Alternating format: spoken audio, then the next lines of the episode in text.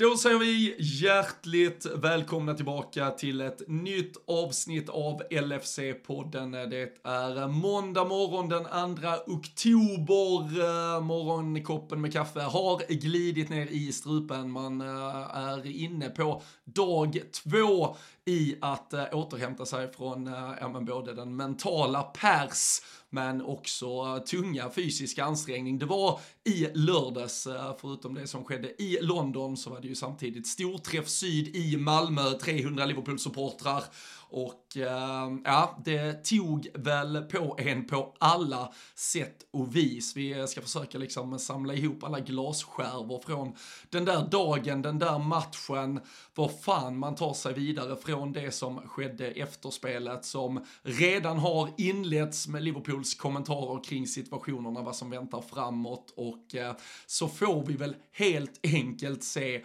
var fan vi landar. Vi eh, brukar säga att eh, i eh, mesta möjliga mån så sätter vi domarinsatser lite åt sidan, försöker fokusera på det spel som Liverpool och motståndarlagen bjuder upp till innanför de kritade linjerna. Men idag så vågar jag lova att domarna och eh, de som på olika sätt bestämmer saker kring sporten fotboll kommer stå i fokus. Jag antar att ni har överseende med det. Jag tror nästan att så är önskemålet också. Så vi eh, sätter oss till rätta och eh, förbereder oss för en timme som nog kan bli lite vad fan som helst.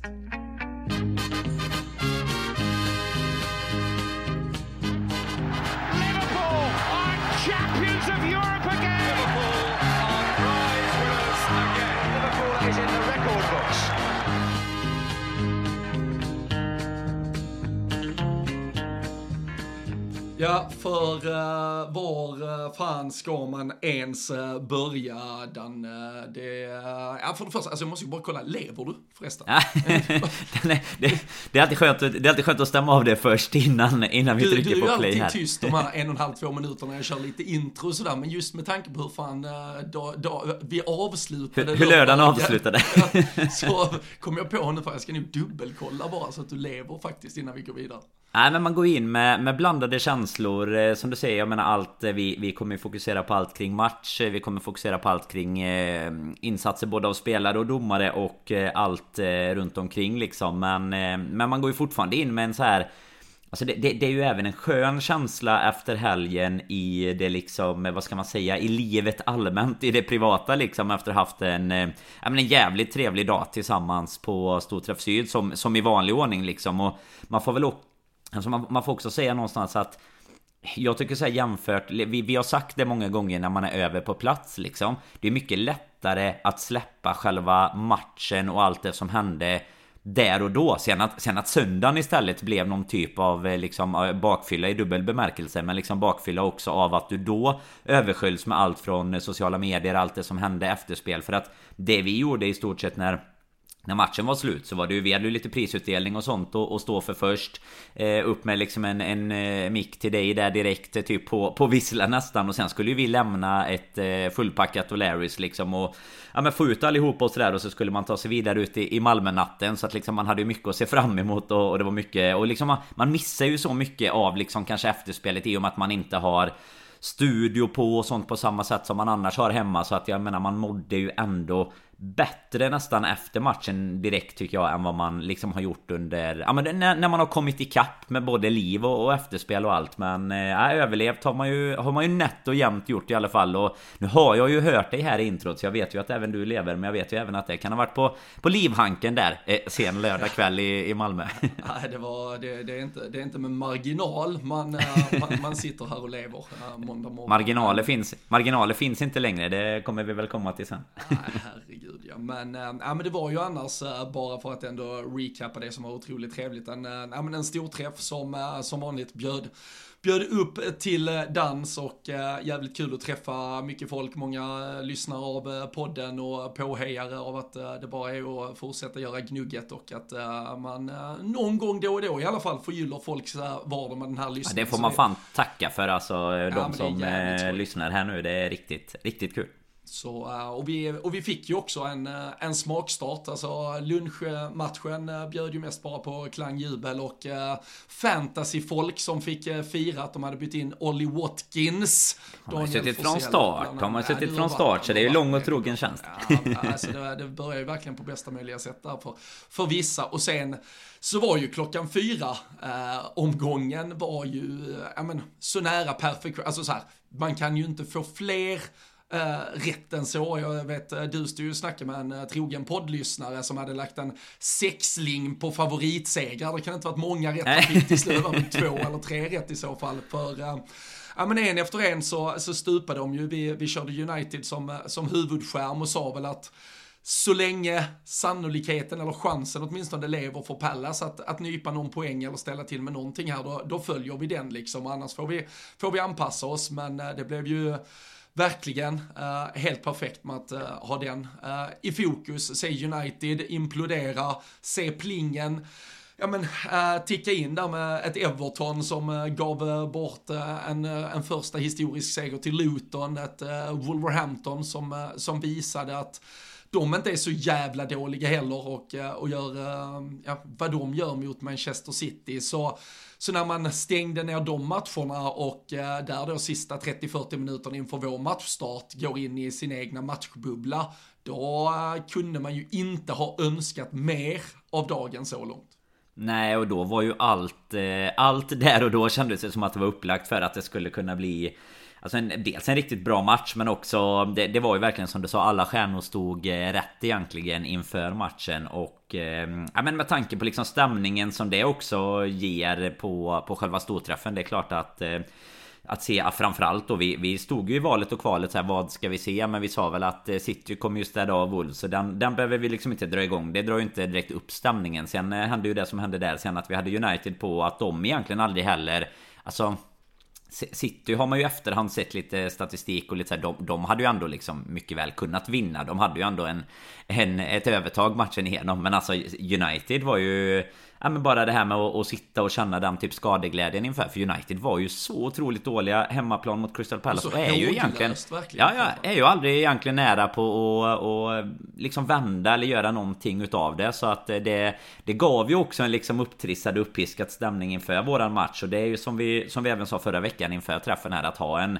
att ha en 18.30 oavsett vad. Jag menar vänd på det och säg att våran match hade varit 13.30. Man har precis fått in de första ölen och så händer liksom allt det som hände, det hade ju inte gått och Man hade ju bara fått utrymma klockan fyra och så säga ja ja vi får se om det blir någon mer träff i livet liksom. Men, men eh, då Då är det i alla fall tur i oturen att den ligger som sista match och att det är liksom allt det som händer senare på på kvällen då för att eh, jag menar det var ju Nej som sagt allt stod rätt inför eh, våran match och även med 11 och sådär Det var väl du som var inne på det sist. Nu vet vi inte exakt status på Darwin Nunes men, eh, men att Gakpo... Eh, när, när du tog på dig kloppglasögonen så sa du ju att eh, Gakpo mycket väl kunde starta med tanke på, på hur, ja, men hur man vill liksom ställa upp när det ändå är topplag på bortaplan vi möter. Och det, det blev ju rätt och liksom, ja, det kändes som att allt på elvan också stämde tycker jag. Alltså för, för sett till då vilka förutsättningar vi hade med Trent och, och de andra.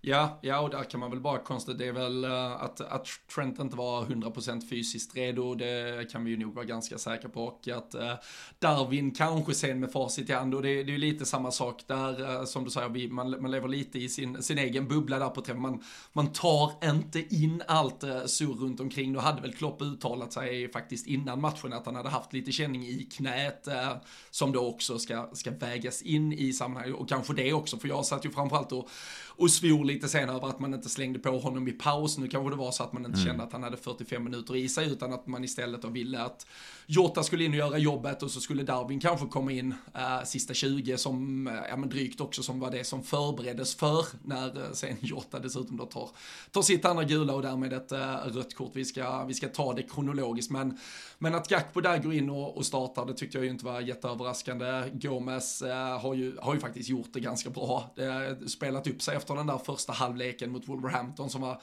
riktigt, riktigt svag och jag tycker när man summerar insatsen i London i lördags så, så gör ju både Matip och Gomes mm. otroliga insatser egentligen över 100 minuter uh, som det till slut blir ungefär att vi spelar. Men, uh, men också, uh, eller det som egentligen kan diskuteras är ju det här med att Kunate verkar ha ja, men, trillat ner ett par pinnhål i eh, den där pecking-ordern. För han har ju trots allt varit startklar i, eh, i både Europa League-spelet och eh, även i ligacupspelet senast. Så där vet i tusan om, ja, om, det, om det helt enkelt är bara så att Klopp håller Matip högre än Konate just nu.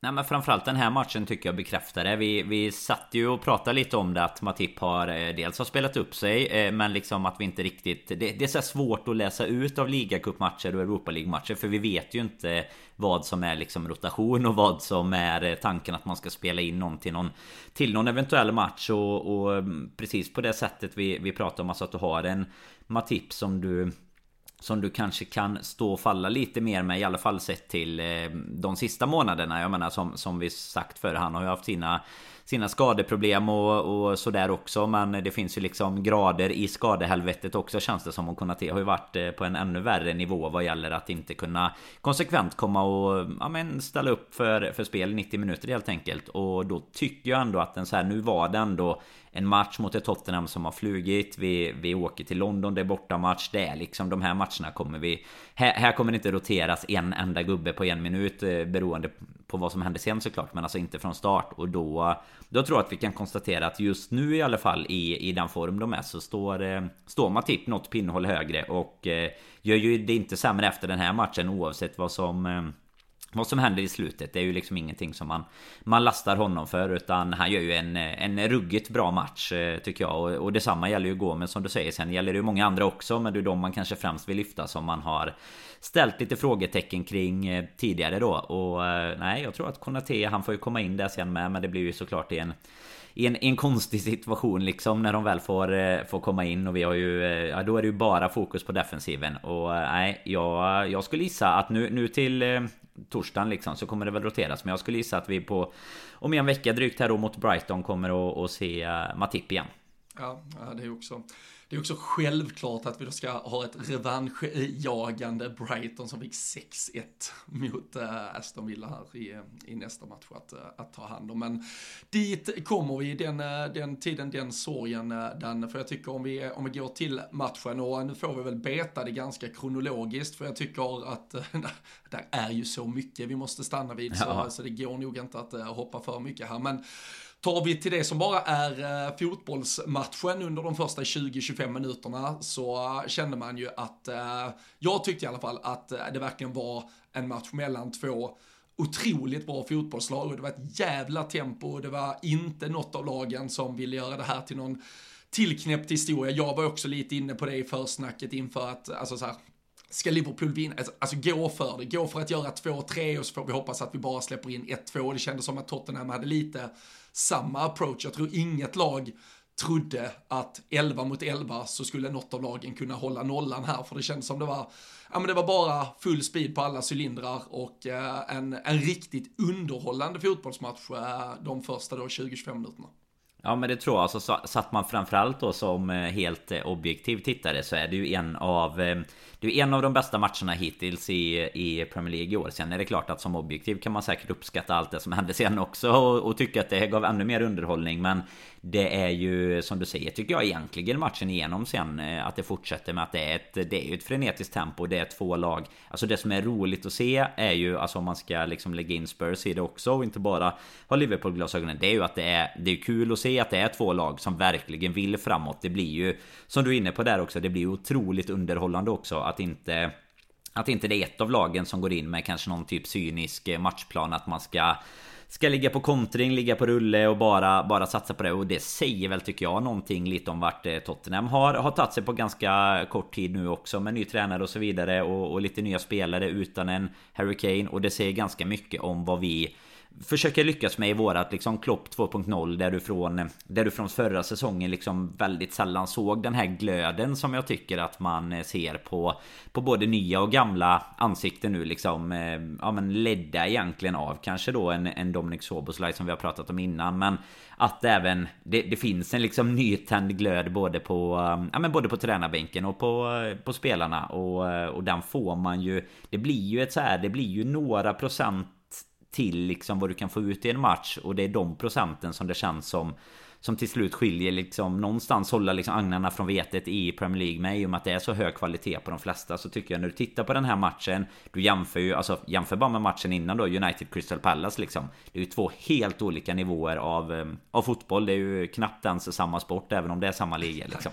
Ja, man kan ju, eh, jag höll på att säga Fifa, det heter det ju inte längre, det heter ju EA Sports FC.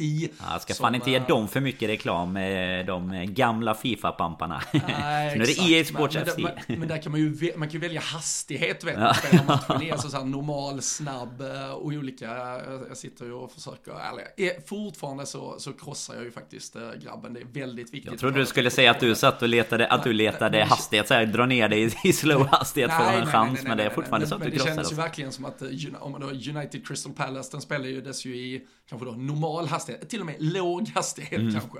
Men uh, den där uh, Liverpool-Tottenham-matchen sen, den, den var ju uppskruvad på, på, på högsta speed redan från uh, första stund. Men uh, Sen får vi ett abrupt avbrott till den där första frenetiska, tempostarka inledningen.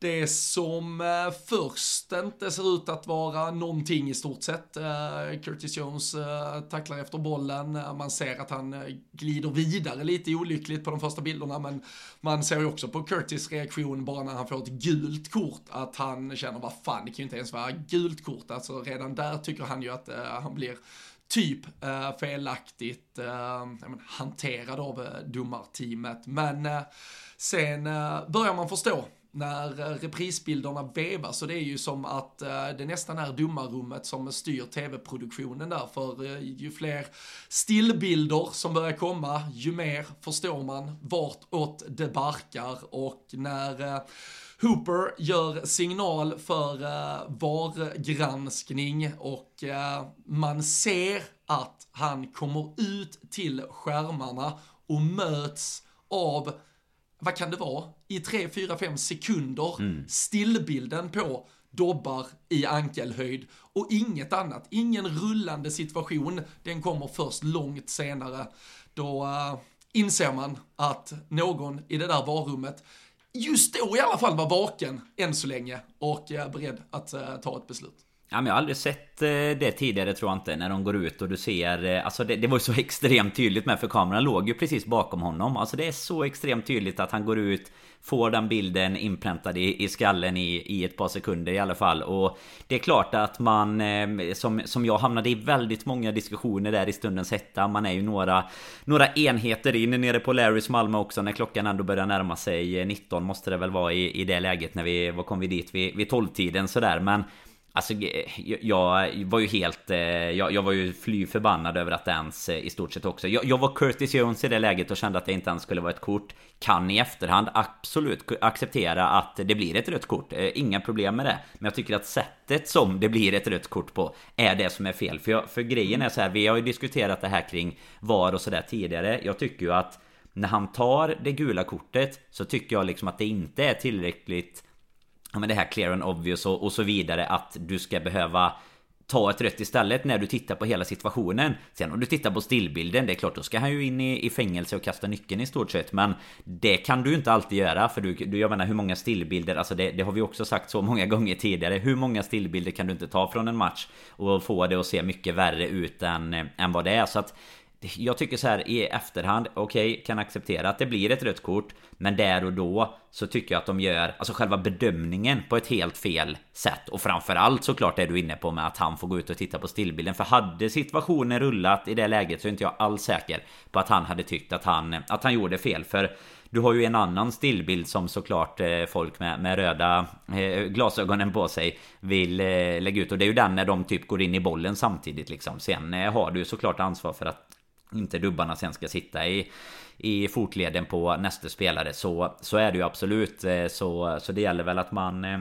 att man kan, eh, kan se liksom helheten tycker jag där i att Ja men vad ska man säga Man kan ha de två perspektiven samtidigt att Jag kan acceptera att det blir ett rött kort men jag tycker nog att det fortfarande är fel när de har gett ett gult kort och eh, ja men liksom är ur hela den situationen men, från start då. Ja, ja, för det är där jag också, just när han tar det gula, det visar ändå att han väldigt tydligt i, eh, alltså i spelet, att han har, har, att han liksom. har uppfattat situationen. För hade han inte, hade han bara kanske blåst frispark eller, eh, ja men inte blåst alls eller blåst eh, åt andra hållet för att han uppfattade det som, alltså så här, verkligen gjort ett, ett fel, då förstår jag att man verkligen behöver gå in och granska det här och att han inser att oj, jag missar ju verkligen någonting i den här situationen. Han ser ju situationen alldeles perfekt. Han ser det som händer, det vill säga att det är en kamp om bollen men att eh, Curtis Jones fot sen fortsätter över bollen och in i Bissouma, vilket gör att han därför ger det gula kortet. Så han har ju verkligen uppfattat situationen och tagit ett beslut utifrån det. Då, då, då, blir det ju väldigt, och ska han i så fall gå ut och titta på skärmarna igen, då måste det ju vara från att bollen, alltså går, alltså från det att bollen börjar rulla mot spelarna och den här situationen inleds, då får du se vad var det som föranledde vad och vad blev sen resultatet. Du kan ju inte börja med att titta på resultatet och sen gå bara, mm. för då, då blir ju allt hur det gick till att foten sitter där den sitter, är ju helt, eh, blir ju helt sekundärt. Även om man hade puttats in i situationen så det hade ju inte spelat någon roll för du har bara sett slutresultatet av det. Det blir, det blir, alltså, Ja, vi, vi hade någon situation, det är väl i förra mötet mot Tottenham, det känns också som vi har haft så jävla många mot Tottenham. Vi har ju den Harry Kane-situationen för två år sedan eller vad det är, eh, där han bara får gult och sen Robertson får ett rött i slutet av den matchen. Men men förra, det är väl i vårmötet när Oliver Skip har i stort sett en exakt likadan situation där hans, alltså tackling, hans follow through också renderar, det är väl på Luis Diaz tror jag han sätter sina mm. dubbar.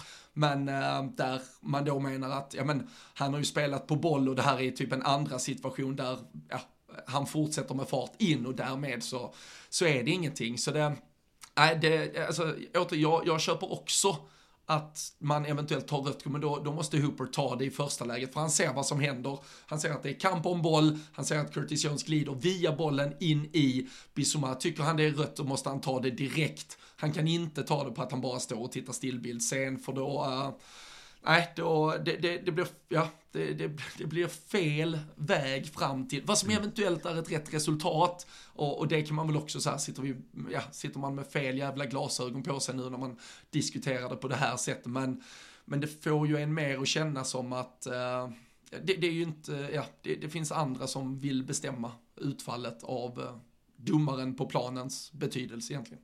Ja men jag tycker att det blir den här diskussionen som man ju ofta ställer kring eh, VAR och det här. Alltså jag, jag tycker ju så här, hade han tagit rött direkt och så kollar de, ja det, det var rött. Alltså så här, då, då är det lugnt, då kan vi köra vidare. Men har han tagit gult, då tycker jag inte att det är tillräckligt mycket för att eh, ändra på det beslutet. Och på tal om det här med vad du får se på på, ute på skärmarna då så tycker jag också att det är ganska konstigt oftast Nu blir det en allmän diskussion kring det Men det är att de i stort sett alltid om de nu väl väljer att rulla situationen, vilket de ju knappt ens gjorde här och han är ju till och med på väg ut utan, alltså han kommer ju typ på längs vägen bara shit också jag ska nog vända för jag behöver nog se situationen. Men alltså, jo men han, han kollar ju typ, ja men exakt han kollar ju typ bara på resultatet, tänker att okej okay, jag får ge rött och så bara just det, vi kanske behöver rulla detta med. Då tycker jag att det är viktigt att man inte bara rullar en situation i slow motion som de ju ofta väljer att göra i alla fall när man tittar på det på reprisbilderna själv utan du borde ju egentligen först få se som du sa lite, alltså upprinnelsen till situationen. Båda ja, går in ganska från, hårt liksom. Från det att dubbarna eventuellt då sitter i benet om du tycker de gör det. Då backar du bandet 10 sekunder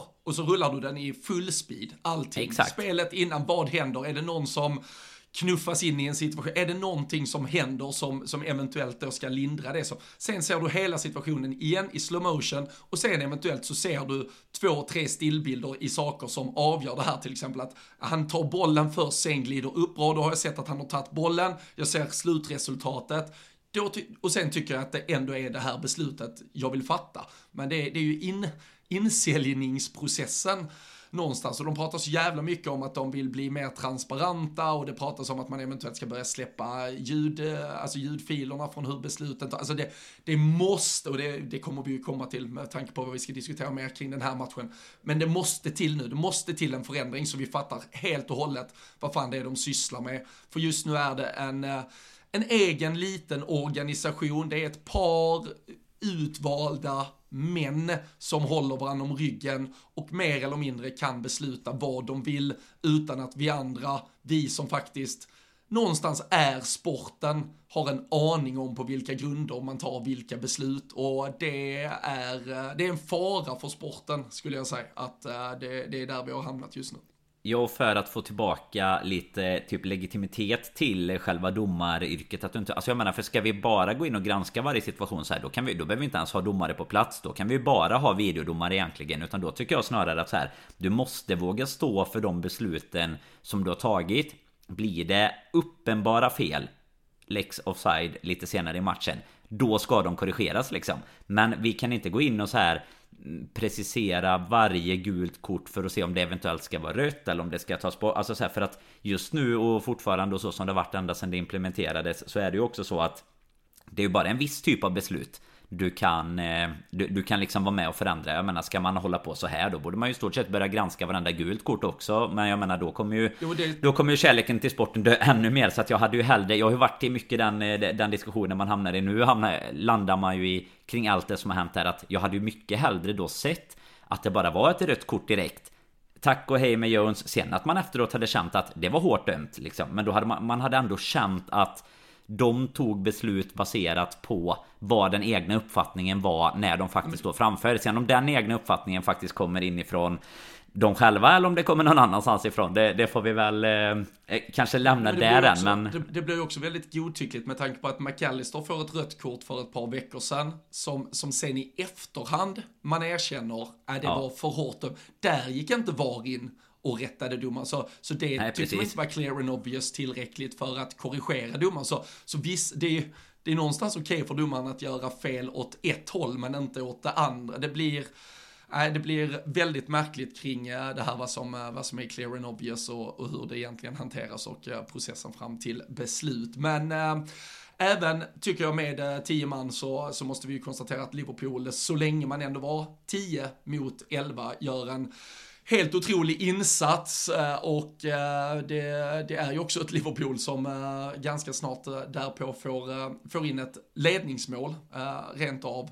Men här den brister det ju fullständigt på alla sätt och vis. Så är det, det här efterspelen börjar på riktigt. Några röda kort hit och dit har vi väl eh, överlevt för Men, äh, men situationen på plats är ju att man eh, Jag är helt säker på att det är offside först Så jag kan köpa att en linje man drar upp flaggan. Jag sitter ju ändå några mil därifrån får man ju säga Om man kollar på x antal skärmar Stora som små liksom Men Sen när man får se reprisen så just där och då står jag ju på Larrys soffa och vet att det är mål. För att det är så jäkla uppenbart för varenda tittare. För antagligen alla utan de som är på plats vet ju att det är ju ett offside. Det ser man ju utan att de ens behöver börja dra några linjer alltså. Eh, sen undrar man, man ju så här... Det man väntar på är att de ändå ska dra linjer Exakt, för att man, man väntar ju på att den där gröna lilla flaggen ska komma upp. Eh, den som, eh, som man har sett lite senare. Eller den, ja i alla fall den gröna eller röda linjen liksom. Men... Eh, sen helt plötsligt så byter de bildruta och bollen rullar i spel igen och ingen på O'Learys Malmö eller någonstans bland, vad fan är vi nu, 10 miljarder eller någonting andra människor fattar någonting vad som har hänt liksom. Alltså det är helt...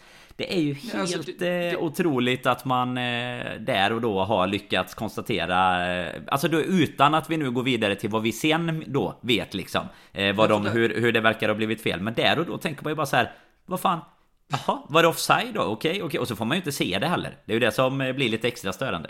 Nej, så man, man, kan ju inte där och då, vi kan ju inte förstå det fel som har begåtts eftersom vi har ju trots allt inte fått svart på vitt eller grönt på grönt med Nej, det gröna strecket att de, att de har kollat detta och kommit fram till att eh, oavsett om det då var offside eller inte offside, utan vi ser ju bara att de väldigt godtyckligt tittar på en vinkel utan streck i typ fem sekunder och tar ett beslut att det här är offside. Så man, man, får ju, alltså man blir ju lite, ja men så här, man blir ju lite rädd för sitt eget typ alkoholintag. Hur, hur snett ser jag? vad, vad, vad händer? Alltså, vad, har jag tappat det fullständigt nu här?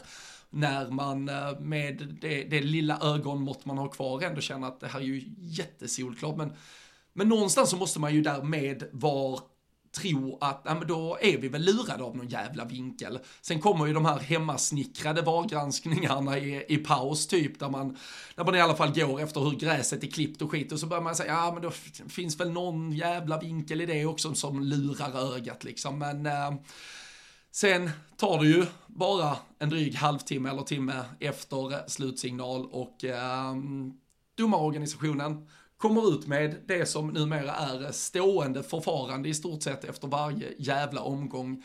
En ursäkt att något återigen har brustit i rutinerna. Allt har gått helt åt helvete. Darren England på VAR, han har enligt den här uh, ursäkten, eller det, uh, den kommuniké som kommer ut, så har han uh, inte uppfattat att uh, assisterande har dragit flaggan, utan han menar då att han har ju följt situationen, han har sett att uh, den har spelats fram tills att det blir mål, och han tror att hans uppgift är att kontrollera om det är ett korrekt mål, och att det då inte ska dömas bort. Och eh, han menar då att han har sagt till domarna att eh, Carl Stantz, han tror att det har dömts mål, han bekräftar att det ska vara mål. Och här och nu så måste vi vara väldigt tydliga med att det här är den största bluffen i kanske domarhistorien. För det är så här, att, nej men alltså herregud, jag har dömt fotboll i division 4. Jag, alltså domare på Premier League-nivå. När assisterande domare, de, de, kommunicerar ju hela tiden för de första domarna. De pratar hela tiden, hela tiden med varandra. Varummet hör hur domarna pratar. Det skulle kunna vara så att Darren England inte har sett att flaggan är uppe. Möjligtvis. Däremot så hör han hur de pratar där ute hela tiden. Och den assisterande domaren som drar flaggan, han skriker 10 000 gånger till Simon Hooper. Offside, offside, offside. Det är det enda han ska kommunicera när han drar upp den flaggan. Det är att det är offside, offside, offside.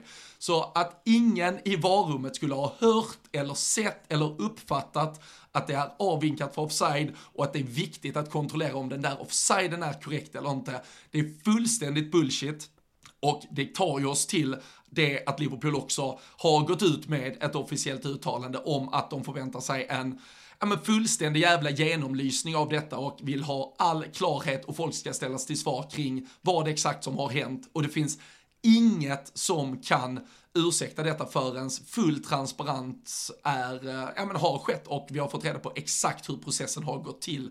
För det, det ska inte kunna vara så eh, att någon i det där varummet missar att det är offside de ska förhålla sig till och inte mål.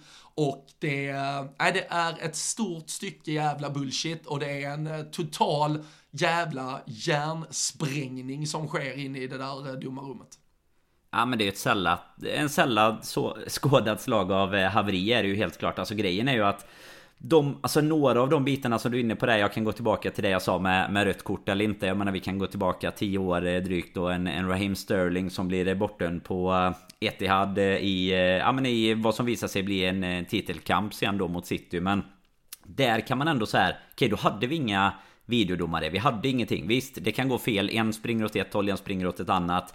Det är helt horribelt fel, men på något sätt kan man ändå så här lite ta sig vidare från det. Uppenbarligen inte eftersom jag pratar om det här tio år senare. Men alltså man kan ändå så acceptera att det kan bli fel. Här är det ju så att vi, hela det här systemet har ju implementerats för x antal miljoner pund på varandra arena och sånt. För att det inte ska kunna bli fel.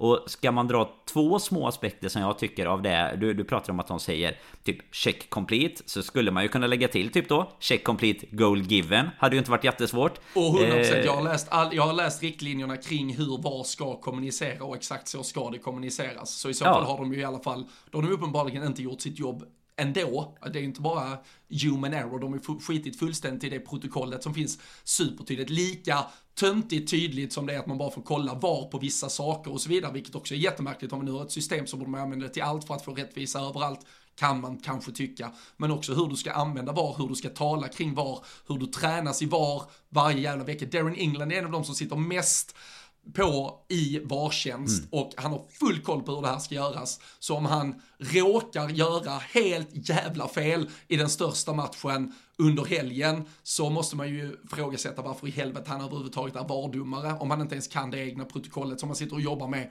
varje jävla vecka. Nej och sen kan man ju lägga till eh, nummer, alltså steg två i det hela då är ju att när de inser att de har gjort fel eh, Uppenbarligen ganska snabbt efter Jag menar om det sitter Om, det, om, eh, om de sitter där och tror att det har blivit mål Sen så har domarna på plan liksom sagt att ah, okej okay, vi dömde offside.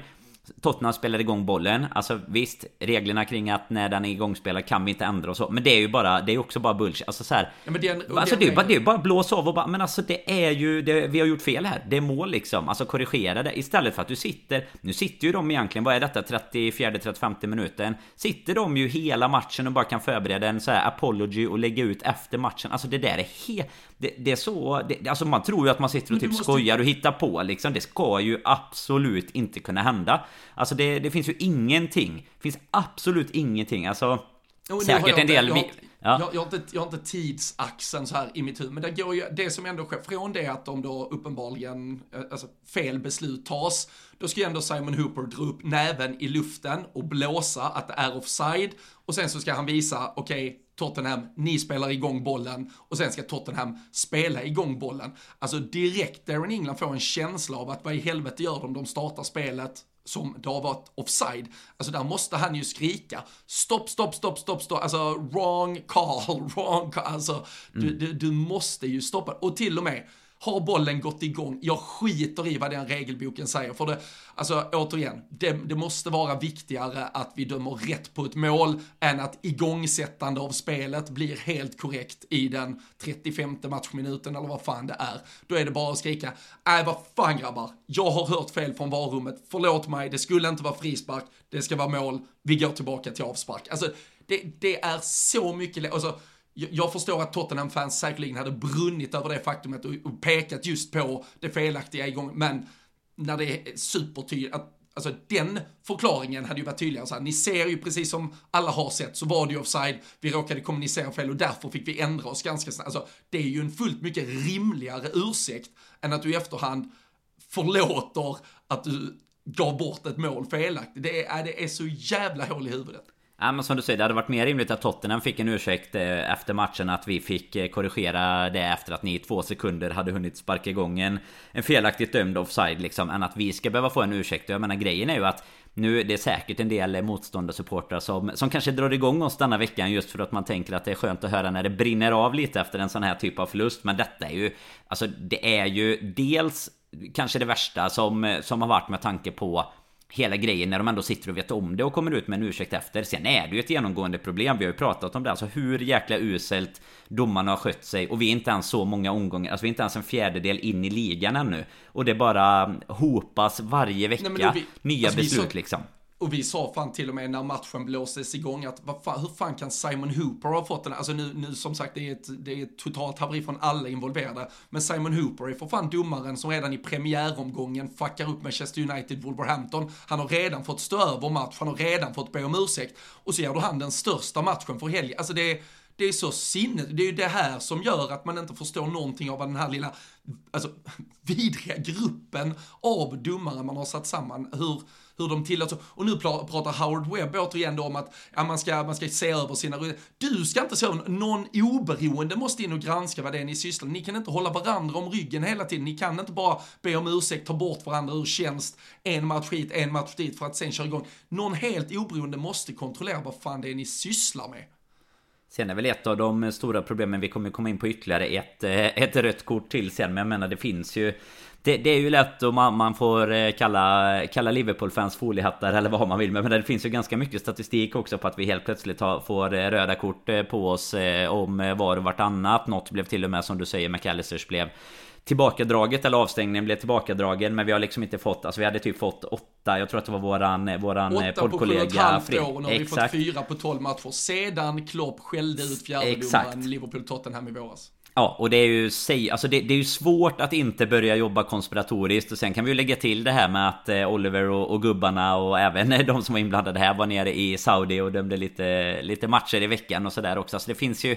Det, de, de gör ju det inte enkelt för sig att inte låta en vara lite konspiratoriskt. Och ska man gå ända nu till, till efterspelet bara ett in, eh, en infall eh, kring det tycker jag då. Det är ju så här att nej, alltså jag vet inte. Vi kan säkert inte få ut så mycket av det. Vi kan inte hoppas på så mycket vad gäller den här matchen. Men det man på något sätt kan hoppas på är ju att vi nu sätter, alltså att klubbarna sätter ner foten och bara säger att så här, alltså det är ju, nu, nu räcker det liksom. Vi måste ju lösa någonting. Vad fan ska en ursäkt efter göra? Och dessutom då, hur lång tid tar det innan Son gör 1-0 liksom istället? Ja, en, en minut liksom. Ja, och där, och där blev fan också efter matchen riktigt, alltså Postosuglu har fått eh, beröm med, eh, ja men välförtjänt sådan, både för sättet Tottenham har spelat fotboll och jag tycker han framstår i 99% av all kommunikation och i intervjuer och alla framträdanden. Han gör som en otroligt sympatisk människa och verkar, verkar fan både ha hjärna och hjärta på rätt ställe. Men, men jag tycker det blir fel när han sitter på presskonferensen efteråt och säger att ja, men en, alltså, fel är en del av fotbollen, typ man får acceptera vissa. Alltså, hade du varit lite större i vinsten där så hade du ändå pratat om det extremt farliga med att helt regelrätta mål kan dömas bort på grund av sådana här misstag. Alltså du, där hade han eh, ändå chansen att kunna ta en uh, klokare uh, ingångsvinkel till det. Jag tycker Tottenham ska liksom vara skitnöjda med att de vinner. De hade mycket möjligt vunnit matchen ändå. Jag tror inte vi hade kanske orkat med tio man och de, de nötte på. De spelade otroligt bra. De hade mycket väl kunnat vinna även om det där målet hade fått stå och därför tycker jag att det hade det hade sett bättre ut och det, det borde ändå vara klubbarna som vi säger gemensamma sak att få en högre kvalitet på domarnivån, vilket Tottenham då hade kunnat ja, men någonstans bidra till att uh, pusha på för uh, i, i även då seger, uh, eller segerstundens mm. hetta efter matchen. Men, nej, men det är nu, också, nej, men jag tänkte säga, det är ju också så att du, du har ju oavsett, det är ju exakt som du är inne på, det finns ju ingenting som säger att matchen hade blivit 2-2, det hade sett likadant ut efteråt bara för att det hade blivit mål och poängen i sig, om vi nu hade lyckats få med oss en poäng eller noll poäng eller tre poäng, alltså i, i, till syvende och sist förhoppas vi inte att det är det som ska avgöra göra någonting liksom eh, såklart. Och det, det är ju inte alls säkert. Jag menar det är så pass lite i sig. Men det blir ju det blir snarare sättet allting blir. Ja men lite som du säger att, att de på något sätt då bestämmer vad som ska kunna hända. Alltså att fotbollen, alltså i alla fall Premier League då, styrs ju liksom av hur de väljer att, att fatta sina beslut. Och det är ju det man blir Alltså helt extremt trött på. Vi hade mycket väl kunnat förlora matchen ändå på ett annat sätt. Och nu blir det ju för att det blir sådär i... På sista sparken. Jag menar hade de istället gjort eh, 2-1 och 3-1 medan vi var nio man så hade man ju varit lika förbannad. Men hade, hade inte blivit riktigt lika liksom, alltså, offside-situationen hade blivit lika avgörande men det hade inte känts lika hårt som ett sånt slag efter matchen. Och eh, som sagt, jag tror säkert att mycket av det kan göra att vi kommer stärkta ur en sån situation. Lite det här vi mot dem-stuket som, eh, ja, men som bland annat Sir Alex var bra på att bygga på. Som Klopp har byggt mycket på tidigare. Men att det sker såna här fel som, som verkligen inte kan eller får ske. Det, det kan fan inte någon supporter vara glad över oavsett vilket lag man ja, håller på. Alltså fan knappt eh, att man... Eh, nu kan man ju inte tänka sig det, men hade det hänt United mot Palace, alltså man... Nej, jag kan inte tänka mig att jag hade suttit och, och jublat över det alltså. Nej. Vi, äh, nej men det, det, man kan eh, konstatera i alla fall, alltså på tal mot äh, vi mot dem och äh, Liverpools äh, men, uttalande nu som är vad, vad jag kan erinra mig, det är det kraftigaste en klubb någonsin har officiellt gått på domare och eh, ja, men den, den beslutande organisationen runt uh, allt detta. Så det, det är ju ett öppet krig vi uh, nu inleder, vi mot dem. det finns säkert procentuella ja, men positiva effekter att ta från det. Jag tyckte Alexis McAllister skickade ut på Twitter eller på Instagram igår tror jag, vad var det? We against everyone ja, eller någonting. Exakt. Och, både Alisson, van Dijk, Soboslaj har, har varit ute med liksom att eh, det var extremt eh, tufft att ta men eh, nu vi, vi visar ändå hur jävla stark vi är. Så alltså det kommer att vara otroligt lagstärkande och jag tror att vi kommer med moral och kunna använda den här prestationen för att bygga vidare på saker framåt. Men det är ju en domarorganisation som, alltså det, det, det, kan såklart gå två vägar. Kanske kan det ha varit droppen, kanske kan man ha känt att det, det någonstans i det undermedvetna måste börja kompenseras för Liverpool. Det är inte, det är ju inte, det är ju inte dit jag vill komma med detta, att vi nu ska på någonstans förfördelas. Jag vill bara ha rättvis och korrekt jävla bedömning framåt. Men man måste nog också komma ihåg att på samma sätt som Liverpool, som lag, som trupp, som klubb sluter sig samman och känner att det är vi mot dem,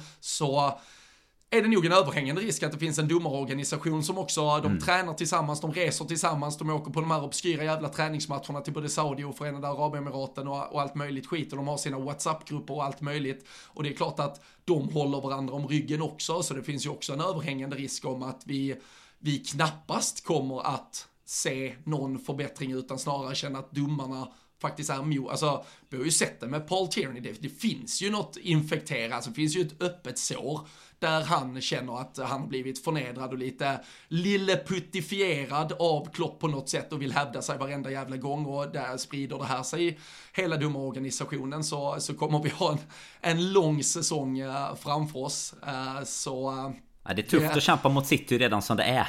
ja, och, och där, alltså den, den sista delen, du, du sa att uh, alltså Oliver och, och, andra som har varit i Saudi, de här domarna och Darren England då i detta fallet, han, han har ju varit, han hade varit i Förenade Arabemiraten och dömt på, på torsdagskvällen, kommit tillbaka fredag morgon, det, det finns väl en del i rent hur mycket den eventuella resan skulle kunna ta på honom om man nu inte var hundraprocentigt fokuserat, vilket i alla fall ja, men organisationen erkänner i samband med den här kommunikén. Men också det väldigt märkliga att vi har en klubb i Premier League som eh, är statligt i stort sett finansierad av Förenade Arabemiraten i Manchester City och att vi då har domare som ska döma i den ligan där Manchester City spelar som åker och dömer vänskapsmatcher för ruskigt bra betalt av den statliga liksom styrande eh, fotbollsorganisationen där borta också. Det blir ju Ja, det, det lägger ju... Eh, ja, men alltså, du måste ifrågasätta partiskheten eller opartiskheten i domarnas eh, uh, agerande. Och det, jag tycker det är helt orimligt att domare får lov att åka och ta betalt av någon annan. Som dessutom på något, alltså de borde inte få göra det överhuvudtaget, men de borde absolut inte få göra det i länder där det faktiskt finns statligt ägande av klubbar de sen ska in och döma, eller åtminstone deras konkurrenter, vecka in och vecka ut i ligaspel under en eh, Premier League-säsong. Nej, och man kan ju också ifrågasätta hur, eh, hur fokuserat det är. Om vi nu ska tro på deras bortförklaring som kommer här efter matchen så eh, sitter ju de i rummet och tror att det ska dömas mål och på planen har de sagt offside. Så man kan ju verkligen ifrågasätta om inte det blev lite för många flygtimmar där om man inte ens kan ha fokus på att... Sen, på vad som händer på planen. För det är ju ändå så här Visst att vi på Storträff Syd kan, kan missa någon liten situation på grund av att man har ögat ner i er ner i ett ölglas istället. Men jag hoppas ju inte att det är så det pågår i varummet. Utan det ska de ju ha ganska bra koll på om eh, bollen rullar in i mål eller om eh, det är en flagga som är dragen. Och eh, som du var inne på, det är inte så att de är, är tysta heller. Utan det lär ju ha sagt offside. Alltså det blir, det blir ju oavsett att det är oss det drabbar så blir det ju att poppa en jävla massa popcorn när det blir dags att få ut den ja, det transcriptet från eh, ljudet på, eh, på den Men alltså. Det kommer, att, aldrig, eh, det kommer aldrig någonsin släppas. Nej. Det, det, det, kommer säljas på auktion om 50 år när de, de första två gått bort eller någonting. Men det, men, men och det är också som är så sjukt, för jag satt och kikade lite bara bilder och där, där är alltså bilden när Luis Diaz skjuter skottet som sen alltså, vad kan det ta från att han skjuter, det kan väl ta ungefär 500 delar eller någonting så ligger bollen i mål i stort sett i skottögonblicket när Diaz skjuter, då ser man assisterande domaren längst ner på sin eh, långsida. Då har han inte dratt flaggan än. Så han drar ju alltså flaggan när bollen är i Han vänt, då behöver du inte dra den överhuvudtaget Nej. heller. Vi kommer ju alltid kolla de här målen. Så varför ska du ta ett halvdant jävla beslut för att du vill försöka ta ett beslut när vi vet att det beslutet kommer vi ändå aldrig bry oss om.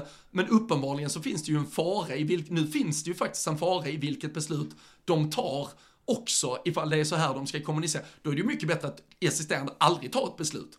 För då måste det ju kommuniceras istället goal eller no goal, eller offside eller no offside. Istället för att man ska säga, ja men kör på det beslutet som har tagit. Men vi vet ju fan aldrig vad de tar för beslut. Så det, nej, det, det här blev långt och vi har mycket kvar och vi är redan långa. Jag vet inte fan vad det här kommer bli för ett jävla maraton. Vi kan väl också, nej men vi kan väl också avsluta med att han, det är ju, eh, nu, nu eh, bara försökte jag söka upp för jag har inte namnet framför mig, men linjeman som är inblandad där också. Vi, vi har mycket annan statistik som har trillat fram efteråt på hur mycket inblandad han är i, bland annat eh, typ 48% av Salas alla kort och det har ju i och för sig att göra med att det typ är sparka bort bollen och sådär. Men det, det finns mycket konspirationsteorier att hämta. Det gör det ju och det gör det ju aldrig helt utan anledning tyvärr. Men Ja, vi får ju konstatera och hoppas att det blir någon bättring av det Men det är ju såklart matchavgörande att, eh, att det där sker Det är ju inget snack om saken Som sagt, oavsett om vi hade vunnit eller inte efteråt så, så är, får det ju inte gå till så och det Hoppas vi att det, det botten is nådd som din Skånepågspolare brukar sjunga ibland Så nej fy fan. Det har vi trott många gånger. Ja det har vi gjort, det har vi gjort. Och man hittar ju bara, nya. Det är helt sjukt att man kan hitta nya bottnar. Det är, det är helt sinnessjukt.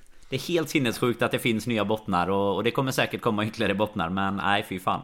Ja, nej, så är det. Men äh, vi, äh, vi står ju ändå upp bra, som du säger, visst vi åker på, på 1-0 snabbt, men vi, vi tar ju oss tillbaka och får in det där 1-1 målet innan äh, pausvilan. Äh, Cody Gakpo Dessvärre nu har han väl inte fått någon exakt officiell kommunikation. Fan, han eh, var ju tydligen både, han hade både knä och fot i någon jävla liten eh, stötteapparat när han lämnade London tydligen. Vi får väl se hur hur allvarligt är det? Är ju både situationen som leder upp till, det det som leder upp till eh, kanske det avvinkade målet där när han blir, eh, eller är det frisparken innan? Han blir ju nersparkad av Udogi eh, ja, som, som leder fram till, till någonstans där han får en första smäll på ankeln och sen så ser det ut som att han vrider till någonting i samband med skottögonblicket där i, i målet också. Så eh, rejält eh, omtöcknad och, eh, och fick ju kliva av i paus. Men jag tycker ju Liverpool, alltså så länge det är 11 mot 10, eh, då gör vi ju faktiskt en, en bra match. Alltså då är det, och det är fortfarande en fotbollsmatch, för du kan fortfarande behålla olika lagdelar, du kan trots allt ha ett eh, djup i ditt spel, du kan våga spela när du ändå själv har bollen.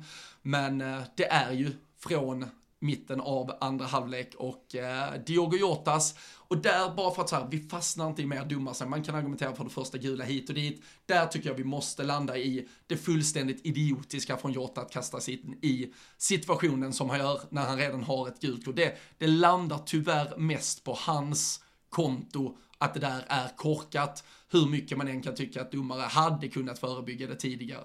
Ja men så är det ju. Alltså vi, eh, som, som du säger, det blir långt redan som det är. Och där är det, vi bara säga att det, det första är ju felaktigt. Men det ursäktar ju inte att han... Eh, att han sen klantar bort det och ta, alltså det måste du snarare gå in och veta om att du har ett gult kort nu och dessutom på liksom offensiv plan. Alltså det är en sak att göra det som Som försvarare i en typ matchavgörande sekvens och känna att för fan jag måste stoppa honom här. Men det är ju så eh, fruktansvärt onödigt och där är det ju så att eh, Ja, ett andra gula kort blir ju liksom rätt. Så att det blir inte att, att det första var fel kommer inte hjälpa honom i slutändan. Sen eh, Sen att det såklart blir en cocktail av alltihopa så här i efterhand. Det är klart att man staplar ju saker på varandra. Hade det bara varit det så kanske man inte hade brytt sig lika mycket. Nu blir det ju bara att man Man letar ju såklart eh, ytterligare misstag och, och där man också känner att eh, att allt går emot en på ett sätt men, men det kan vi ändå landa i att det röda är ju rätt även om det första gula var, var helt felaktigt. Och det är ju jävligt onödigt att sätta sitt lag i den eh, situationen Det kan vi ju konstatera. Så det får man ju vara lika förbannad som han antagligen är på sig själv där så får ju vi vara lite förbannade på honom tycker jag i efterhand också Ja, och där han, han gör det lite till någon personlig vendetta känns det som eh, med, med Udogi där. Så han är ju övertänd i, han är ju övertänd ganska länge, eller nu, nu är han ju inte på planen så jävla länge, men det känns som det blir en period på en tio minuter där kring båda de korten och, och lite innan där han Ja, men han, han, gör det lite personligt och du säger att du måste behålla kylan, du måste ändå sätta laget för uh, att du känner att du inte har kommit kanske rätt in i matchen eller du känner att du har blivit uh, felfördelad av domare och så. Det, tycker att uh, där, där får Jota ändå ta på sig mycket av att han uh, kommer med, ja men någonstans lite felaktigt, att han inte kommer in i det helt rätt. Och uh, det måste man ju, alltså det är ju alltid viktigt att göra i en bortamatch mot Tottenham, men när du redan är nere på 10 man då, då måste du lägga någon någon form av eh, liten extra typ eh, självcensur på allting så att du, du verkligen sätter lagets intresse i, i första rummet rakt igenom. Och när man väl är nio, nere på nio man, det, det märkte man ju tydligt att då plötsligt är det ju andra sporter vi spelar, det är laget som har elva och de som har nio och vi vi skickar ju till slut av alltså varenda offensivt hot vi har. Vi, vi hade ju någon tanke om att förbereda ett byte med David Nunes. Eh, det blev ju inte aktuellt utan det var ju det var mittfältare och backar som fick kliva på. Vi spelade i två stycken fyramannablock, liksom en, en 4-4 som sen blev typ en 5-3 och eh, det handlar ju bara om att hålla Tottenham utanför oss så länge som möjligt och vi, eh, vi lyckas ju med det i eh, 96 minuter och eh, man vet ju knappt var fan man ska ta vägen när man, alltså den där poängen, så att säga, Alltså, hade vi kommit därifrån med en poäng, det hade ju varit en moralstärkande poäng. Nu finns det mycket mm. som kan vara moralstärkande i sättet allting blir av ändå. Men poängen hade ju varit otrolig. Det, det hade ju verkligen nog för Tottenham känts som att fan, kan vi inte ens få håll på Liverpool 11 mot 9 då, vilket jävla Liverpool-lag det ändå är som är där ute. Hur det här målet än tillkommer och hur mycket man ändå kan tycka att vi står upp jävligt bra, så är det ju kanske framförallt extremt jättehärligt tyvärr för Tottenham att de får vinna matchen på det sättet. De får vinna den till slut. Jo men lite så det som, vi, som jag var inne på innan, alltså skulle de ha gått iväg och vunnit med 2-1, 3-1, 4-1 tidigare i matchen eh, Av att vi kanske var nio man eller de hade fått in det målet i 85 istället. Alltså det, jag, jag tror att för, för dem lika mycket som det kan Alltså lika mycket som det kan ta på oss där och då så tror jag ändå att vi kommer gå stärkta ur det också och veta ändå att vad vi kunde göra och att vi är så nära på att hålla en poäng. Samtidigt såklart är det ju superpositivt för det Tottenham som som vi sa redan här i början, de har ju redan flugit högt den här säsongen och att få göra det mot Liverpool, vi har ju sett det förr. Jag menar de firar ju också som att de har vunnit Champions League. Vi har sett lag göra det förr när de har slagit ett Liverpool och det säger väl snarare någonting, någon, alltså någonting om vart vi är på den eh, Peking-orden också att när man väl slår oss hemma så spelar det ingen roll om det är på 9 man eller 11 man. Sen är det såklart att stämningen piskas upp av att det är både på det sättet i den minuten. Eh, jag fattar att det är tröjor som, som kastas och sånt där. Man själv hade väl kastat tröjan på dig på Larry som det hade varit eh, åt andra hållet. Men sluppit eh, varning i alla fall som tur är. Men grejen är ju sen, alltså målet i sig är ju så jävla synd för att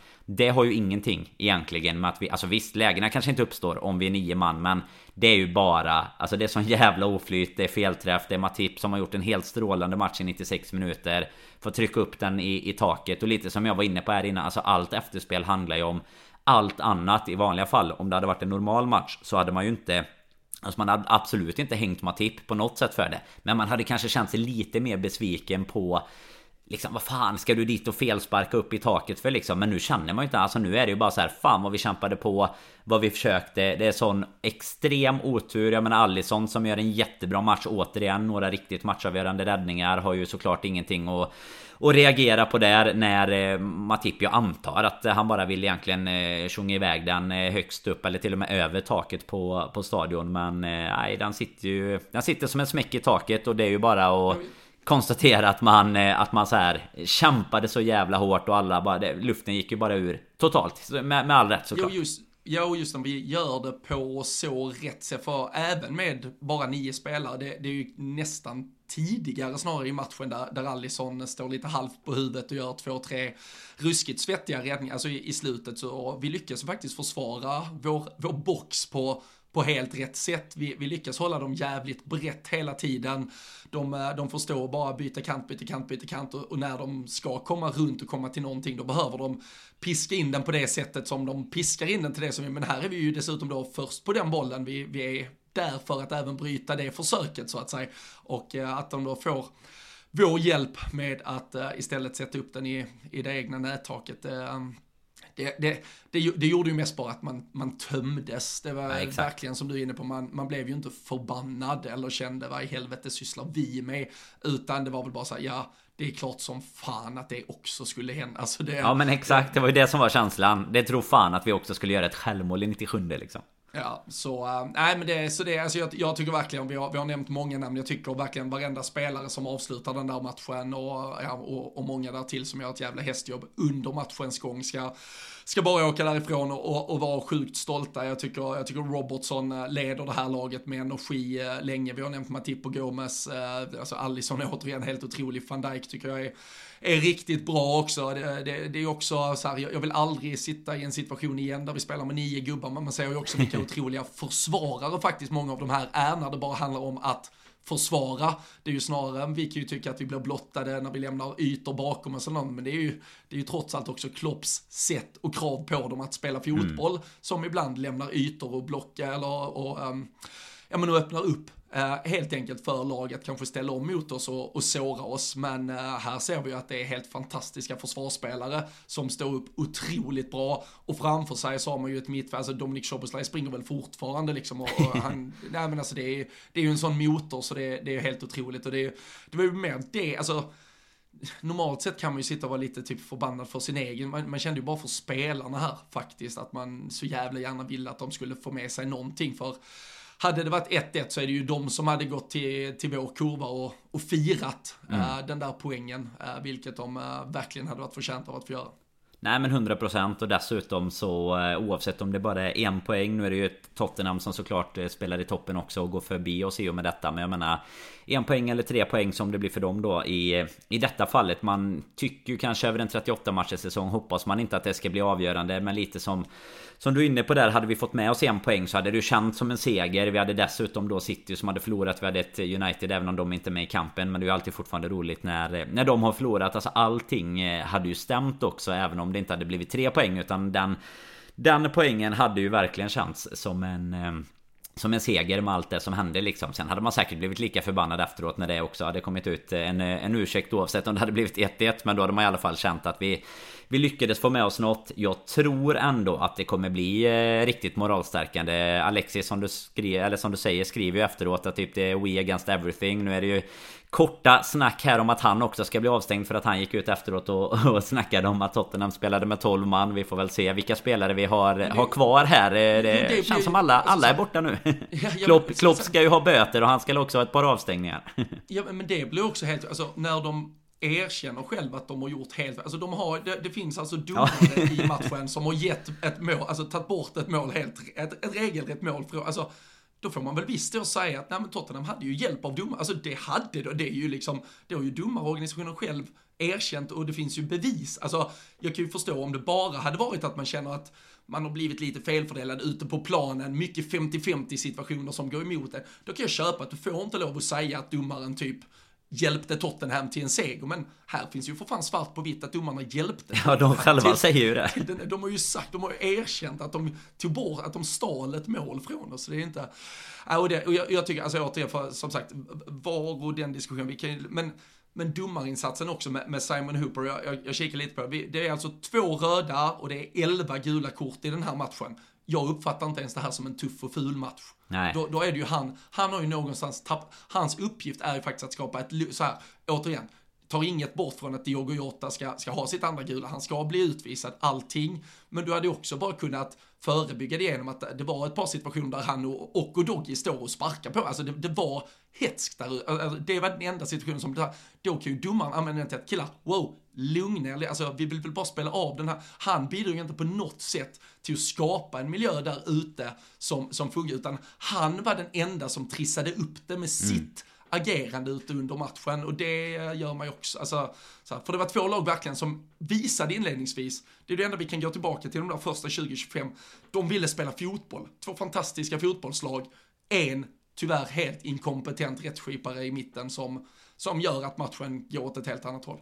Nej men så är det ju, han piskar ju upp det något eh, helt otroligt Vilket i slutändan då såklart för publiken som väl är på plats och för Tottenham-spelarna Bidrar till att det säkert blir den känslan Alltså det är klart att allt är ett avgörande i i 97 och, och på det sättet och allt som det sker liksom är, är helt eh, fantastiskt att vara en del av. Men jag tror att det piskar upp det ännu mer att han liksom har satt nivån och stämningen där den är. Sen vet jag, jag vet att vi nämnde det innan det blir 2-1 att eh, det är ju, jag tror att de får, nu kommer jag inte ihåg vilka det är, men de får typ två varningar också i typ eh, 80, så här, mellan 85 och 90. Och det är bara för att det ska se lite bättre ut i böckerna också. Sen får de väl en eller två varningar, det är väl eh, Pedro Perro i alla fall. Men sen om, de, om det är någon mer som drar tröjan där i i målfirandet. Så det är klart, alltså många av de varningarna är ju bara för att det fan ska föras till boken. Att han var, att han var lite emot dem. Nej men Salas har vi inte ens varit inne på än.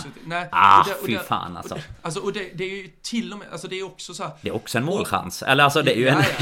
Antagligen ett mål. Även om du vill argumentera för att det alltså, är frispark emot honom så Du måste förstå, där, måste du ha spelförståelse som du, vi, där, är vi nere på nio man när, det sker. Vi, Salah gör ett jävla häst, han springer ensam upp och sliter och sliter och sliter. Och, och så kommer han, han lyckas göra en vettig, han, han, han kommer Oavsett om du tycker att det är frispark eller blås frispark kanske, men du måste ju få fan förstå att en anfallare som har sprungit där uppe är trött och förbannad och bara känner helvete du, alltså låt han reagera. Du kan inte ge gult kort för att han reagerar när han springer där uppe och, och gnuggar och sliter liksom. Det är, och nu vi, vi kanske inte ens var, jag vet inte om vi var 10 eller 9, fan allt flyter ihop där, men skit, alltså han, han, han springer och kämpar och sliter, han känner att han vinner bollen, blir avblåst billigt så in i helvete. Alltså du måste låta han reagera. Det, ja men det är ju det vi har pratat om. Ja och det är ju det vi har pratat om innan ända från omgång ett här egentligen. När det väl är McAllister som blir varnad mot Chelsea för det här med att visa att han ville att han ville att det skulle bli ett kort. Jag menar du måste låta spelare få reagera på planen. Alltså framförallt när det har varit Eller nej egentligen inte mer när det har varit som det har varit i den här matchen. Men man förstår ju ännu mer vart frustrationen kommer ifrån. Eh, sen om de om de där och då vet att det finns eh, felaktigt eh, bortdömt mål eller inte. Men jag menar känslan är ju såklart eh, med, med en eller två utvisade i alla fall som det har varit att, eh, att allt går emot och, och hela den biten. Och du, du måste ju ha... Du, du måste som du säger där ha en bättre fingertoppskänsla och dessutom... Alltså det är ju enkelt att bara skita i det och låta det vara en frispark. För jag menar att, att det absolut finns ett case för en frispark där, det gör det. Men alltså det är inte... Det, det är fortfarande lite så 50-50, eh, lika mycket där. Och jag menar då... Då är det lite det vi pratar om med att piska upp stämningen eller att bara liksom låta, låta det försöka och dras lite. För det är ju lite så att du kan ju... Enda sättet du lite kan få ner hetsen på något sätt Det är ju att du tar den typen av frisparkar. Lite enklare frisparkar Men att du inte sen då ska piska upp det med massa varningar och sånt Utan så här Det är frispark eh, Låt gå. Alltså då får du ändå ner spelarna lite kanske i adrenalinnivå och sådär Även om det är svårt på en, en sån arena och i det läget. Men eh, Alltså just att du, du aj, jag vet inte. Du måste ju ha någon typ av känsla där Som säger att du inte måste dra upp kortleken. Och eh, Dessutom då såklart extra frustrerande för Salah som, som tar en boll och faktiskt eh, ger sig själv ett, ett superläge. Så att eh, nej Det finns eh, otroligt mycket och att säga och, och ska bli spännande att se här egentligen vad efterspelet blir men eh, ska man Ska man tippa så ska man väl gissa att det antagligen blir eh, en eller två matcher borta och sen är allt eh, tillbaka som vanligt igen eller? Ja, nej, men lite så. Det blir ju väldigt spännande att se i alla fall vilka domare de eh, skickar ut till att döma Brighton-Liverpool på, eh, på söndag. Och eh, vilka, vilket varrum man snickrar ihop. Alltså jag önskar ju också att Klopp bara hade gått ut efteråt. Alltså hur mycket böter, nu är det ju redan rykten om att hans beteende ska ge böter. Men alltså det, det får ju klubben bara gå in med. Det kan, kan vi swisha från Storträff Syd, kan vi börja samla ihop pengar redan nu. Men alltså grejen att, att bara gå ut efteråt och säga att de här inkompetenta idioterna, att de ens... Alltså att vi lägger den här tiden som vi gör, det är världens bästa spelare, det är världens bästa tränare, det är världens bästa allt liksom. Men det är ju att, att inkompetenta domare bara får springa runt och avgöra matcher, det, det måste få ett slut liksom. Alltså något, något sånt Nej, måste ju, ju komma. Ta, du får ju offra, no, du får ju ta eh, den i tränarstaben du känner är minst viktig kommande, kommande halvår. Så du säga, ja men Klopp är otillgänglig för intervju, han är för frustrerad liksom. Vi skickar fram Vitor Matos, liksom. det, det räcker att han gnuggar akademin kommande halvår. Och så är det bara att ta det. Alltså, och så bara alltså- världens rant Men alltså det, ja. det, måste ju också kännas, jag menar det, för det måste ju ändå även som, som du säger eh, att eh, när, när Tottenham går ut efteråt och typ tycker att så här, det är misstag är en del av, av spelet som jag menar andra tränare kan ju inte heller tycka att det här är okej. Okay. Sen är det klart att det alltid är roligare när det, när det är för dig än när det är emot dig. Men jag menar det är ju inte som, som jag var inne på här i början. Det är ju inte det första misstaget som sker den här säsongen heller. Och jag menar alla alla tränare, alla sådana, den typen av organisationer som sitter tillsammans måste ju också känna att, eh, att något liksom måste förändras och att något måste till för att man ska spela på ja, men lika villkor, att det ska vara rättvisa villkor och det är som sagt det är inte den här säsongen, det är inte nu, alltså att domarna är inkompetenta. Det har vi ju eh, kunnat konstatera sedan länge och jag tror att alla lag har eh, haft sin beskärda del liksom. Det är ju bara att ta, ta som exempel nu. Jag kan tänka mig hur ditt, eh, ditt eh, flöde eller dina mentions har varit. Men jag menar så fort man skriver någonting nu så kommer det upp åtta andra situationer där folk tycker att så här, ja men ni fick ju de här. Ja, och de var ju inte heller rätt. Så att det, det är ju inte så här, skicka inte till mig att det har blivit massa andra felbedömningar. För det visar väl bara om något att det är något som behöver göras liksom. Typ ja, då. Den, den, den, klokaste jag såg som skrev på, på Twitter under gårdagen var bara så liksom en, en liten tanke. Vi har låtit män sköta detta tillräckligt länge nu. Är det inte dags att bara släppa fram kvinnorna? Och jag ja. bara, jo. Alltså snälla, väck med varenda gubbe. Låt kvinnor, alltså det är ordning och reda på det. De löser detta. Det är det, alltså, det, är det sista hoppet vi, vi står till nu. För det, det blir inte bättre om vi byter. Vi, vi såg så många domare som gick i pension här i somras. Det kommer nya och de är sämre, den ena efter den andra. Det är dags att ge det 100% till kvinnorna och lösa detta.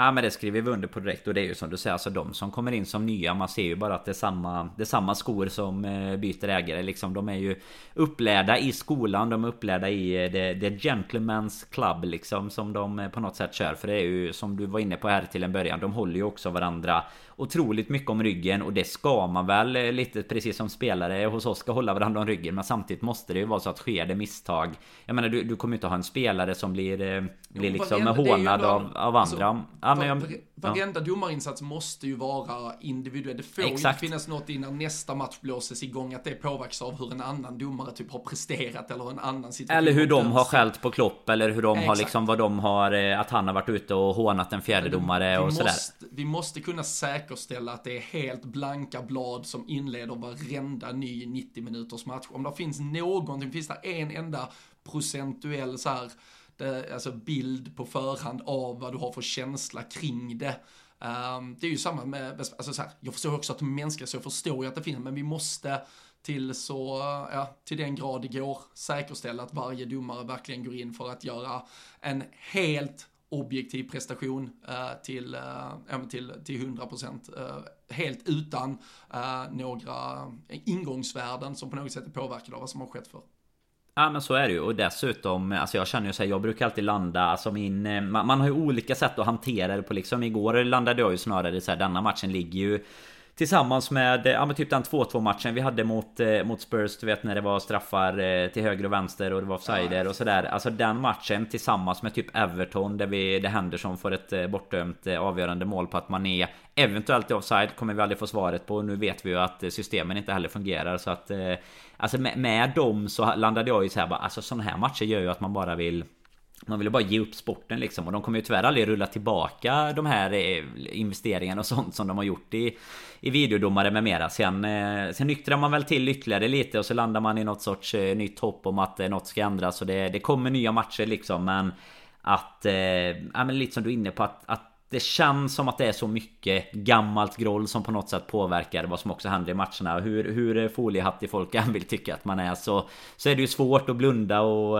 liksom för ja, alltså, att det helt plötsligt bara börjar drabbas. Liksom. Finns prove us wrong. Att ja, ja men exakt. Och, uh, jag, jag, ska lägga upp den du vet, eh, den har du sett på Twitter. Den här change my mind bilden. När någon sitter vid ett bord liksom. Den, den drar vi upp tillsammans med att eh, det inte skulle vara några konstigheter. Och då, då får man en bild på när det blev någon hans dömd till Liverpool mot Tottenham i en Champions League-final. Den har man ju sett ett par gånger senaste dygnet. Jo, jo tack. Den, den brukar eh, komma ganska Så dessutom med bollen gick på armen, men, men det, ja, det är en annan podd.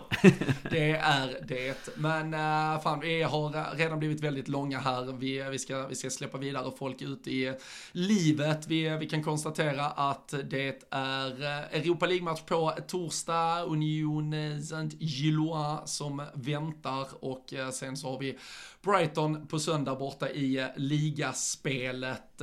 Vi Eh, ja, men vi, vi får ju ta det för vad det är och eh, det får komma när det kommer. Eh, vi, vi är tillbaka nästa vecka med ett nytt avsnitt. Det lär ha hunnit hända väldigt mycket innan dess. Vi kan väl lite sådär halvflagga för att blir det någon blir det något stort här efterspel kring den kommuniké Liverpool har gått ut med och hur eventuellt då den redan frostiga relationen med domarorganisationen utvecklas så, så kanske vi smiter in med, med något litet extra avsnitt, men annars känns det ju verkligen som att vi har fått tömma hela känslotanken här och nu. Så vi, vi tackar bara till alla som har lyssnat. Vi passar på att gratulera Roberto Firmino och Alison Becker som båda fyller år idag, Danne. Det är väl något positivt att gå ut på efter det som har varit mörka 70 minuter ungefär. Så här långt och äh, men vad fan, vi, vi bryter ihop, vi kommer igen, vi kan konstatera att vi är i den där toppen. Vi har ju knappt pratat uh, om andra resultat och hur det påverkar i tabelltoppen, men Även om det såklart är jävligt surt att förlora samma helg som Manchester City förlorar så gör det ju ändå att vi eh, står eh, kvar i eh, samma utgångsläge. Och sen så är det ju såklart att det är ett, där är ett Arsenal, där är ett Tottenham, där är flera lag i den där tabelltoppen. Men nu har vi fan, nu har vi mött äh, men Tottenham borta, vi har mött Newcastle borta, vi har mött Chelsea borta, vad det nu är värt när de ligger en poäng före Luton i botten av tabellen men äh, nog fan ska det kunna bli ljusa tider under den här säsongen. Och vi har väl antagligen Danne tagit vår kvot av röda kort också. Det borde vi rent statistiskt ha dammat av i alla fall. Ja men tittar vi på att det då var nästan eh, fyra per fyra år så, så ska vi väl ha gjort det på, på de här matcherna nu sen... Fyra eh, veckor nu ja, ja men exakt. Så hoppas inte det snittet håller sig. Då blir det inga fair play platser i alla fall framöver. Men sen kan vi också Vi får ju passa på faktiskt Det finns ju tippanden med, med hjärna snarare än hjärta. Jag vet inte om det är det egentligen, men det var faktiskt både på Patreon och även nere på Storträff Syd vinnare med, med 2-1. Det tog emot, han behövde ju ändå publikt gå upp och ta emot priset för att ha tippat 2-1 till Tottenham. Skämdes lite redan när han lämnade in lappen faktiskt, eh, vill jag, vill jag minnas. Men när man tjuvkikade så blev det ju faktiskt en vinnare till slut. Och även två stycken på Patreon, men en med, med lite bättre minut då. Så att, eh, nej det... Det finns eh, vinster att hämta även eh, för vissa efter en sån här helg Men jag vet inte fan om man, om man bara liksom får eh, bära den med, med stolthet Eller om man får skämmas lite Men man behöver inte säga vilken match man vann den. Det står ju inte att det är Spurs borta i alla fall som man vann den Nej, men uh, nya tipstävlingar väntar till helgen när, eh, när Liverpool åker ner då för att möta Brighton i ligaspelet. Vi, eh, vi hoppas på uh, positiva besked vad gäller Cody Gakpo där och att det inte är för allvarligt. Vi får se vad som händer med Alexis McAllister och så fortsätter vi följa det här efterspelet. Det är mycket som sker, det är mycket matcher som, som väntar snart igen. Det här var, ja men som, som sagt verkligen en känslotömmande timme och mer där till. Så eh, vi, vi tackar för att ni har lyssnat. Gillar ni LFC-podden och att vi eh, gör det vi gör så gå in på patreon.com slash LFC-podden. Eh, visa ert stöd där. Men också dela avsnitten i sociala medier. ping in oss och att ni lyssnar så sprids gospeln och ja, nu är det väl som sagt många som kanske eventuellt lyssnar för att bara höra oss vara förbannade och eh, förtvivlade, men eh, jag hoppas också att många är här för den terapi vi brukar kunna erbjuda. Så eh, vi säger stort tack för att ni har lyssnat och så hörs vi snart igen.